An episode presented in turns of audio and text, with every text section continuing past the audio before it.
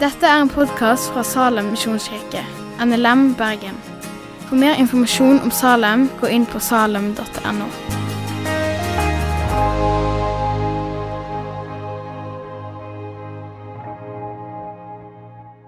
Eh, For å utfylle litt om meg sjøl, så jeg er fortsatt 27 år. Eh, Jeg vokste opp på bygda utenfor Arendal og har et veldig idyllisk bilde av barndommen min. Eh, Jeg er fortsatt ikke vokst av med bollekinna. Eh, Jeg er livsnyter med høy chill-faktor. Jeg stortrives på tur i naturen, men hater motbakkene på vei opp. Jeg elsker bål bålkos, rolige morgener og spontane kaffebesøk. Jeg er et matvrak som aldri kan få nok frukt, og som mener at sørlandskompe eh, det overgår nesten alt.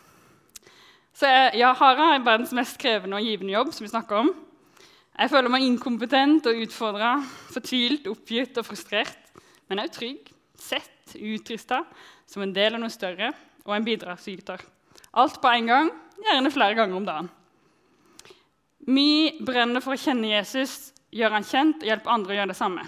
Så temaet i kveld det treffer meg rett i navigatørhjertet mitt. Gjennom navigatørene så føler jeg jeg har gått fra å se i svart-hvitt til å få fargebriller og gradvis få se mer og mer skjønnhet og nye fasetter. Til å se mer farger. Høstens tema er 'følg med'. Vi har hørt om å følge Jesus inn i stilletid, inn i Bibel og hvile. Eh, og I dag skal vi snakke om å følge han i å gjøre disipler. Jeg tror det er Guds plan og vårt privilegium. La meg bare be litt mer. Far, du har skapt oss, du ser oss, du kjenner oss. Vil du gi oss en ånd som gir visdom og åpenbaring, som vi lærer deg å kjenne? Må du rive ned tankebygninger og løgner som ikke er du, og sette oss fri gjennom ditt ord, som er sannhet. Amen. La oss begynne med, med misjonsbefalinga. Eller disippelbefalinga. Det står i Matteus 28, 16-20 at de elleve disiplene de dro til Galilea, til fjellet der Jesus hadde sagt eh, at han ville møte dem. Og Da de fikk se ham, så falt de ned og tilba ham. Men noen tvilte. Da trådte Jesus fram og sa til dem, Vi er gitt all makt i himmel og på jord. Gå derfor og gjør disipler. Eh, gjør alle folkeslag til disipler. Døp deg til Faderens og Sønnens og Den hellige ånds navn. Og lær deg å holde alt det jeg har befalt dere. Og se, er med dere alle dager inntil verdens ende. Jeg tror vi kan lære noe av det som Jesus sier til disiplene her. Soil. God jord for kristendommen. Eh, fire sannheter, fire ting vi kan ta med oss fra Jesu misjonsbefaling. Jeg tror jeg gir oss eh, litt mer eh, referanseramme eh, for det å snakke om å gjøre disipler. For Jesus sender disiplene ut på et oppdrag. Jesus gir deg ikke bare en anbefaling, men en befaling. Men uansett, når det er Jesus som snakker, så burde kanskje en anbefaling òg være nok til at vi gjorde det. Det første er en sannhet. Jeg har fått all makt i himmelen og på jorda. Jeg har ikke fått litt innflytelse, noen plattformer. Nei, all makt i himmel og på jord. Det er sant, det vil alltid være sant. Jesus mister ikke makta si. Han står over alt og alle. Det er en mektig fyr som gir et oppdrag. Og Han knytter oppdraget til nettopp denne sannheten. Gå derfor og gjør disipler. Gjør alle folkeslag til disipler. Jeg har den gamle oversettelsen i hodet. De skulle gjøre flere som ligna på deg, flere Jesus-etterfølgere, lærlinger av Jesus. Disipler som lærer og lever hans livsrytme og visjon. Sjøl trenger disiplene fortsatt å følge Jesus, men de har allerede gått i lære med Jesus. og Derfor kan de gi videre òg til andre. Og Så får vi litt mer detaljer. og innebærer dette oppdraget egentlig? Jo, vi får en instruks. Dere skal døpe deg til Faderens, til Sønnens og Den hellige ånds navn. Og så skal dere lære deg å holde alt det jeg har befalt dere. Det er ikke bare å gi informasjon, si 'Gud elsker deg'. Det innebar kanskje det, men det er noe mer. La deg holde alt det jeg har befalt dere. Ikke bare litt av det, alt. Til slutt så rammes det her inn med et løfte. Og se, jeg er med dere alle dager inntil verdens ende. Se, legg merke til, husk, løft blikket. Jeg, husker dere, han som har all makt i himmelen og på jorda, er med dere Det er dårlige dagene, er gode dagene. Og hvis vi er ærlige, er veldig normale dagene. Han er med hver dag i vår hverdag. Han som er vår skaper, frelser, herre og venn. Han som har makt til å gjøre så ufattelig mye mer enn det vi ber om og forstår. Han er med oss. Det blir oppdraget litt mindre skummelt, kanskje. Men det er helt klart et oppdrag som kosta. Når vi leser videre etter at Jesus steg opp til himmelen igjen Disiplene fikk Den hellige ånd. Det var ganske kult. Men det brøt ut forfølgelse. Men forfølgelsen førte til at nye folk fikk høre om Jesus. De flykta, ja, med de gode nyhetene til noen andre. Flere fikk lov til å bli disippelgjort, til å møte Jesus og bli kjent med han.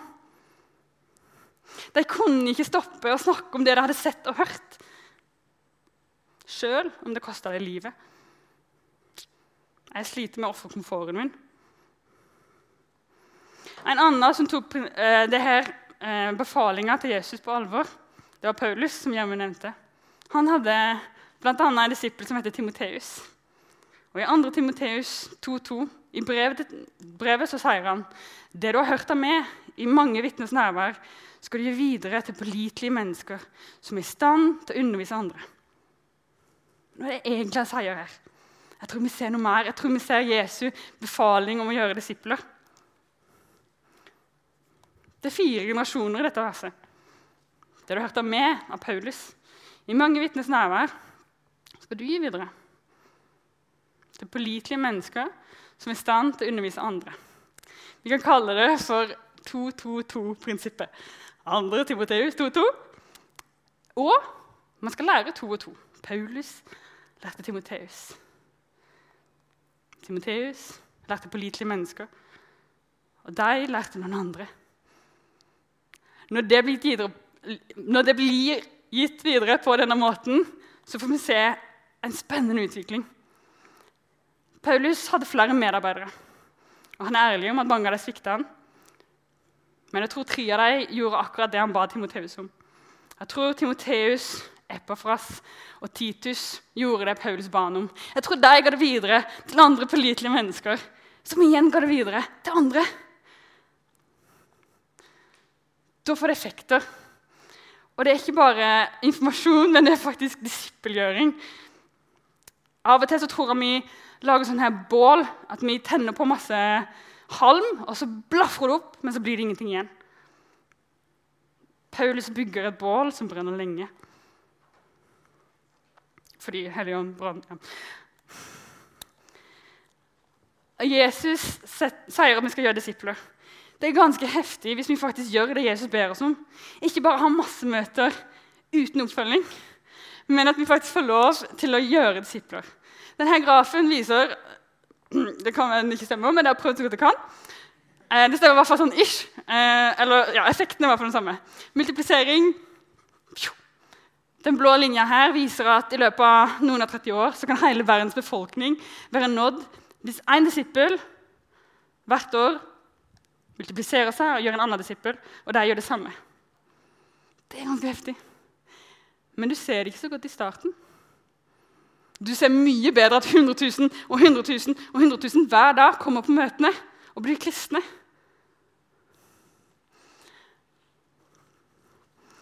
Men det får ikke samme effekten. Det tar over 200 år om vi skal nå verdens befolkning nå. Alle burde vi gi fra oss evangeliet på en sånn måte at folk skjønner at det er meint å gi det videre. De som sitter her og som kjenner Jesus, vi har fått av noen. Skal det stoppe med oss? Og I denne koronatida vet vi at multiplisering er veldig effektivt. Og det er ikke bare at mange blir smitta én plass, men det er de de kommer i kontakt med.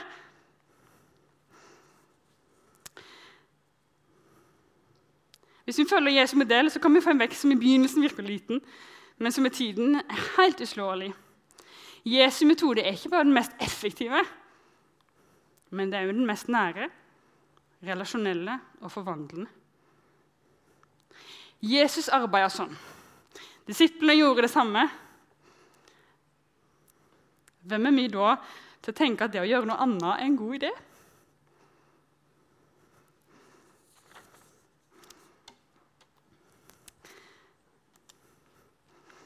Fat people. Det er gode folk. De er faithful, available og teachable. Jeg tror at når Timoteus fikk beskjeden av Paulus om å gi videre til pålitelige mennesker som kunne lære andre, så så han etter fat people. Jeg tror han så hvem er det som er trofaste, hvem er det som er tilgjengelige, hvem er det som er lærevillige.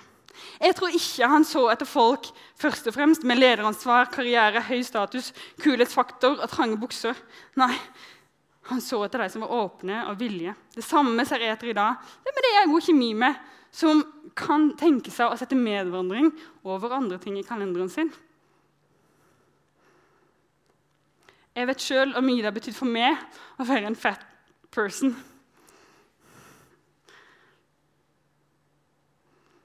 Jeg er overbevist om at når vi er åpne for å la Gud tale inn i livet vårt, så får vi være god jord som Gud virkelig eh, lar Hans ord få vokse i. Når det er Jesus, Herrenes herre og kongenes konge, som sender oss ut på dette oppdraget, så betyr det at vi hver dag har verdens mektigste og mest kjærlige venn med oss i alt han leder oss til. Alltid. Og da tenker jeg at det har ikke noe å si hvem vi er åssen vi ser ut, om vi interesserer oss for, eller åssen personlighet vi har. Verken omkrets eller omgangskrets har noe å si. Jeg tror ikke det er relevant. Eller kanskje er det nettopp det det er. For kanskje så vil Gud bruke oss nettopp sånn som vi er. Han har jo skapt oss sånn. Vi er unike, og Gud er en Gud som møter oss der vi er, sånn vi er. Derfor er jeg overbevist om at verset vi leser til innledning fra Matteus 28, gjelder hver enkelt av oss. Det gjaldt disiplene, som var ganske så ulike. De fleste hører om ikke annet enn navnet til. Kanskje er det fordi de var litt mer introverte og stille. Kanskje ligner de mer på mange av oss enn det vi skulle tro. Det lover å være ekstrovert, altså. Disippelbefalingen den gjelder meg. Ikke fordi jeg jobber i en kristen organisasjon, men fordi jeg har fått lov til å høre gode nyheter, jeg har fått lov til å bli kjent med Gud, og i det å kjenne ham får jeg lov til å hjelpe andre med det samme. Den gjelder også med din, og den gjelder det. Når jeg tenker på medvandring eller disiplgjøring For meg er det to begrep som går sammen. Jeg tror det handler om å vandre et vei mellom. Folk jeg tenker på da, det er bl.a. kjendiscrushet mitt fra 'Ringenes herre'. Sam er Frodos trofaste følgesvenn. Han er en klumsete gartner som tar opp sverd og kjemper mot onde orker fordi han har skjønt at han er med på et større oppdrag. Han kjemper for godhet i en ond og vanskelig verden. Og Hoveddrivkraften er at han har en kjærlighet til Frodo, som er både herren hans og vennen hans. Det er derfor hans hender, som er vant til å selge med blomster og planter, tar tak i sverd. Det er ikke fordi han var en soldat at han ble med. Nei, det var fordi han sniklytta til samtalen og ble sendt av gårde. Men eh, han har drives fram av en kjærlighet til Frodo og en tanke for noe større. La oss gjøre det samme. Og jeg tenker på en av nyere dato. Med gråtkvalt stemme så sier Emil Solli Tangen Det er liksom ditt noen. Det gjør at du blir litt sterkere sjøl. Og han snakker om åssen han hjalp eh, partneren Siri Kristiansen opp et bratt fjell med tunge sekker fylt av sand eh, og lite mat. Han sto ikke bare på bunnen og sa 'Lykke til! Kom igjen, da!' Og han sto ikke på toppen og sa 'Jo, jo, kom. Null stress'. Nei, han gikk med henne. Det var tungt for han òg. Men jeg tror motivasjonen og tanken om å bety noe for noen andre gjorde at han sjøl gikk.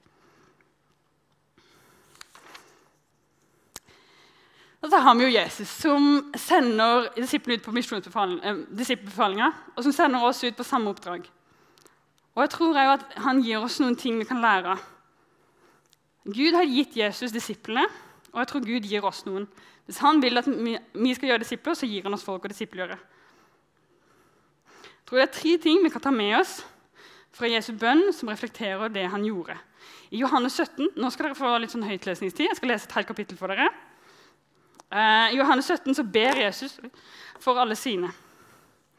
Og Etterpå så skal vi se eh, noen poeng, eh, tre ting som vi kan ta med oss og se hvordan Jesus var en disippelgjører. Okay. Far, timen er kommet. Herliggjør din sønn, så sønnen kan herliggjøre deg.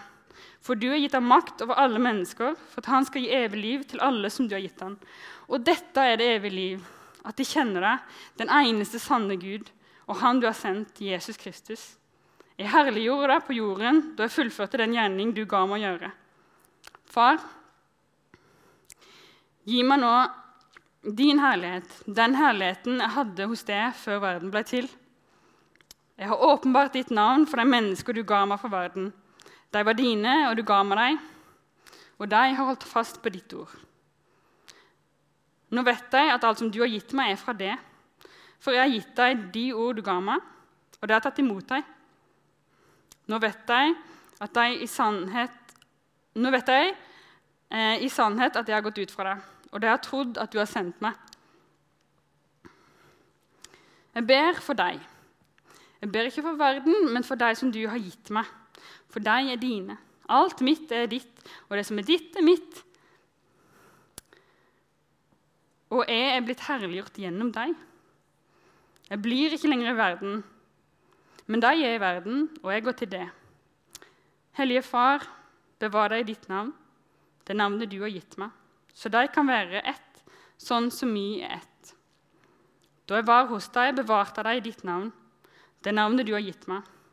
Jeg passa på deg, og ingen av deg gikk fortapt, unntatt fortapelsens sønn, så Skriften skulle bli oppfylt.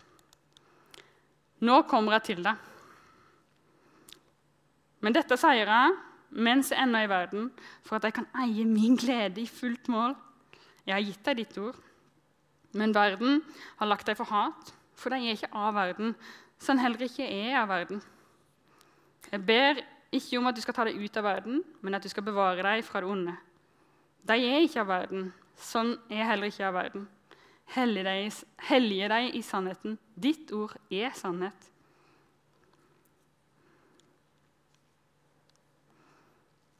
Som du har sendt meg til verden, har jeg sendt deg til verden. Jeg helliger meg for deg, så også de kan helliges, eh, så også de skal helliges i sannheten. Jeg ber ikke bare for deg, men også for deg som gjennom deres ord kommer til tro på meg. Må de alle være ett, sånn du, far, er i meg og er i det. Sånn skal òg de være i oss, for at verden skal tro at du har sendt meg. Den herligheten du har gitt meg, har jeg gitt deg, så at de skal være ett, sånn som vi er ett. Jeg i deg og du i meg, så det helt og fullt kan være ett. Da skal verden skjønne at du har sendt meg, og at du elsker, at du elsker deg sånn som du elsker meg. Far, du har gitt meg deg, og jeg vil at de skal være der jeg er, så de får se min herlighet. Den som du har gitt meg for, fordi du elsker meg. Før verdens grunnvoll ble lagt, rettferdig over far. Verden kjenner deg ikke, men jeg kjenner deg, og disse vet nå at du har sendt meg. Jeg har gjort ditt navn kjent for deg og skal fortsatt gjøre det, for at den kjærlighet du har hatt til meg, kan være i deg, og jeg sjøl kan være i deg.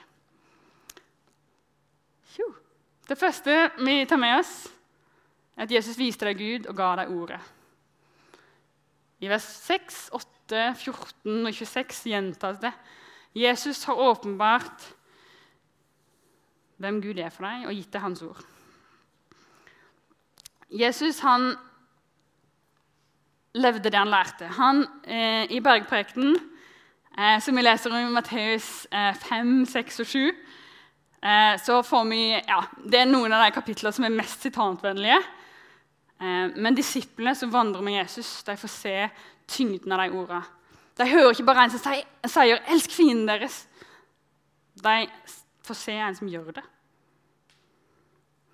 En som ikke bare sier 'tilgi', men en som gjør det. En som ber 'far, forlate deg, for de vet ikke hva de gjør' når en skal dø. Så For meg som disippelgjører, for oss som medvandrere, så tror jeg det betyr å hjelpe folk å se hvordan Gud er. Lære deg å stole på Bibelen og bli klar, og bli klar i den. For eksempel, så var det en som spurte meg hva gjør jeg nå. Synda preger meg jo. Jeg vil jo ikke leve sånn, men gjør det likevel. Da var ikke jeg sånn Du, her er Bibelen. Lykke til! Den sier sikkert noe om dette. Jeg sa heller ikke Jo, bare ta deg litt sammen. Tenk positive tanker. Husk at Jesus elsker deg. Nei, jeg var sånn Du, det høres kjent ut. Vet du hva som Paulus skriver om i Romene 6, 7 og 8? Han skriver akkurat om det du snakker om nå.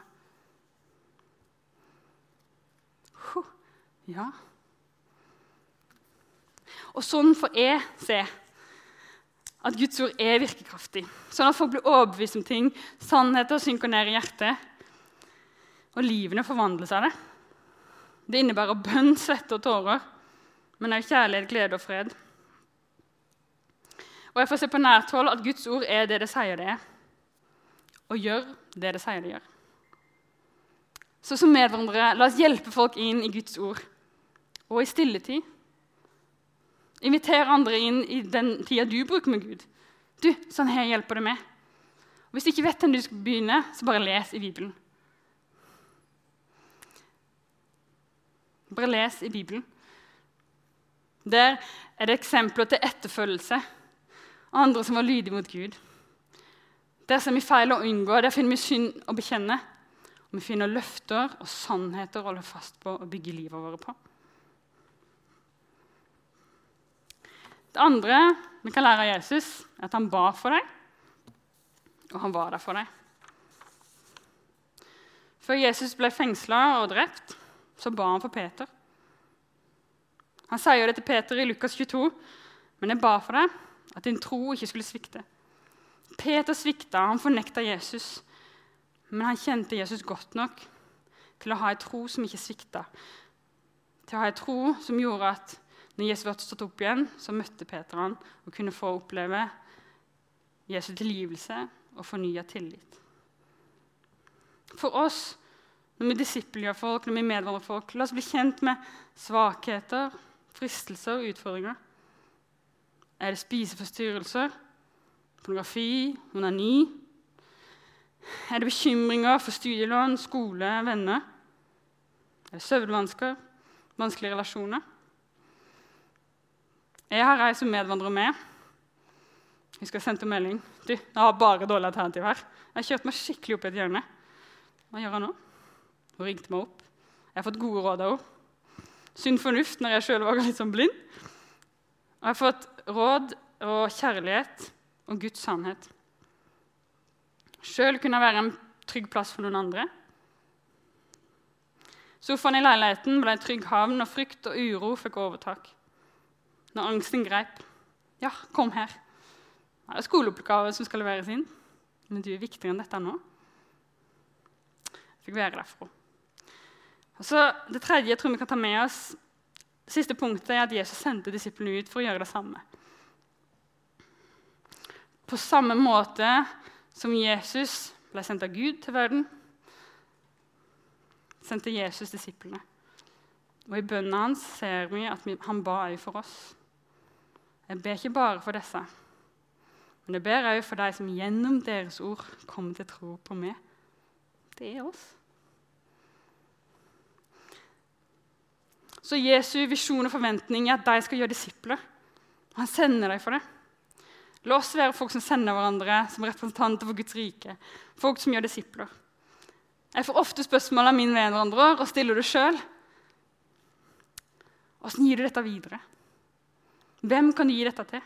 Hvordan kan vi leve dette ut i hverdagen og reflektere Gud i våre relasjoner? Vi er hverdagsmisjonærer, dere. Folk som disipler gjør. Altså tre gode ting som vi kan plukke med oss fra Johannes 17 og lære av Jesus som disippelgjører. Han viste deg Gud og ga deg ordet. Han ba for deg og var der for deg. Jesus sendte deg for å gjøre det samme. Det er ikke vanskelige ting, men det er krevende. Men jeg tror det er litt lettere når vi husker på som ikke står der. Det står ikke 'få deg til å lese en sånn skikkelig tung teologisk bok eh, ei uke helst', med ord de ikke forstår må slå opp. Gå med kors og snakk veldig kristent. Legg på press. Sørg for at jeg blir med i alle tjenestene der vi gjerne skulle hatt litt folk. Nei, jeg tror det kan inneholde noe av det. Jeg har lest litt bøker i mitt liv og sånn. Men jeg tror ikke vi skal overkomplisere det. Dette er ting vi alle kan gjøre. Så hva da med oss?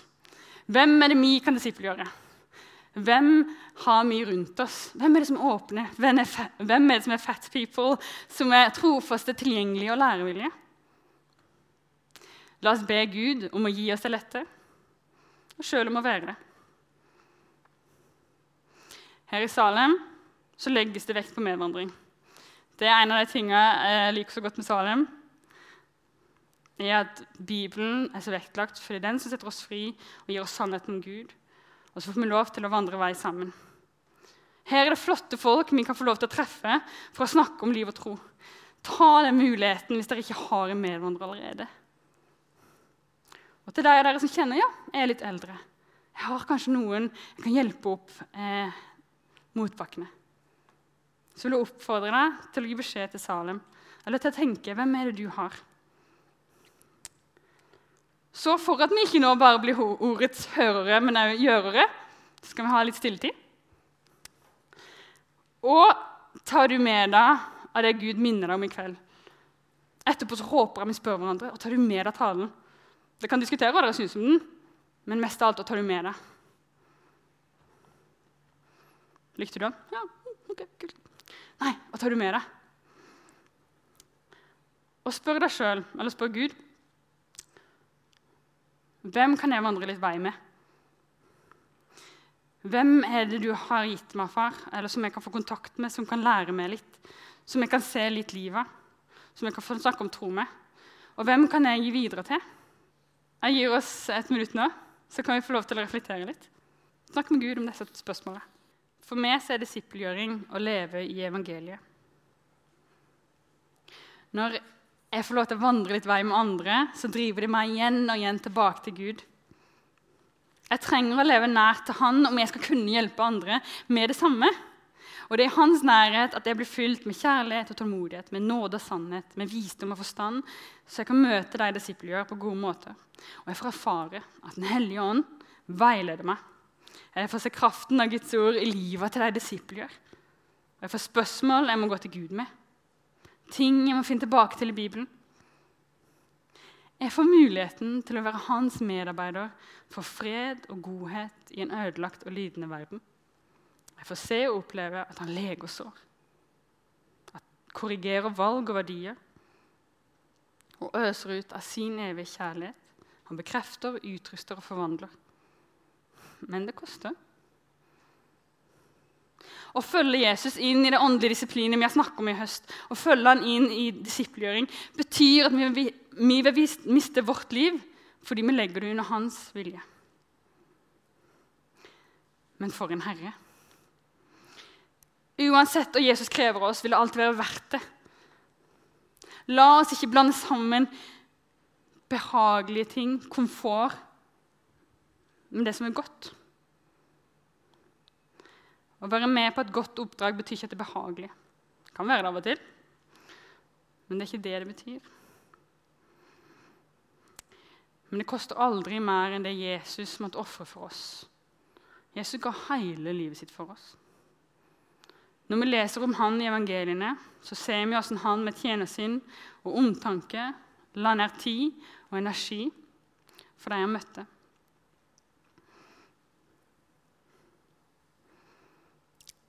Og det fikk det ultimate uttrykk, denne kjærligheten, når han òg led døden for oss i stedet for oss.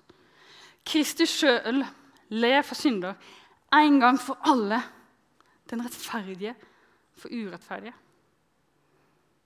For å føre oss fram til Gud.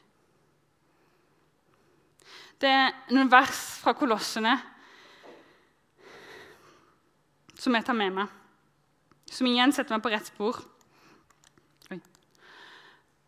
Det er Han, det er Kristus, vi forkynner. Vi rettleder og underviser alle mennesker i den fulle visdom for å føre hvert menneske fram til modenhet i Kristus. For å nå dette målet arbeider og kjemper i Hans kraft, den som virker i meg med styrke.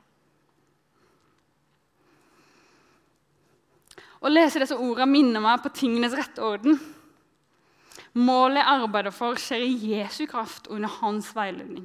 Jeg går ikke alene. Jeg skal ikke klare det sjøl. Og Det får meg òg til å tenke på hva Jesus sier til disiplene i Johannes 15. Bli med, så blir jeg dere. Sånn som en grein ikke kan bære frukt av seg sjøl, men bare hvis den blir på vintreet. Sånn kan heller ikke dere bære frukt hvis dere ikke blir med er vintreet. Dere er greinene. Den som blir i meg og er i Han, bærer mye frukt. For uten meg kan dere ingenting gjøre. Vi kan ikke gjøre noe uten Jesus. Ingenting som har betydning, og som varer. Men med Jesus så er det ikke grenser. La oss derfor bli Han, så blir Han i oss. Og som Hans elskede barn får vi lov til å være med på Guds oppdrag, Guds plan. Det er vårt privilegium. La meg be for oss til slutt. Kjære Gud, takk for at du som kaller oss til å disiplegjøre, er trofast. Du svikter oss ikke. Du forlater oss ikke. Du slipper oss ikke. Gud, må din gode vilje skje i våre liv. La oss forvandre vei med noen, og la oss få kjenne det. Amen. Takk for at du har hørt på podkasten fra Salem, Bergen. I Salem vil vi vinne, bevare, utruste og sende, til Guds ære. Vi ønsker å se mennesker finne fellesskap, møte Jesus og bli disippelgjort her i Bergen og i resten av verden. Vil du vite mer om oss, gå inn på salem.no.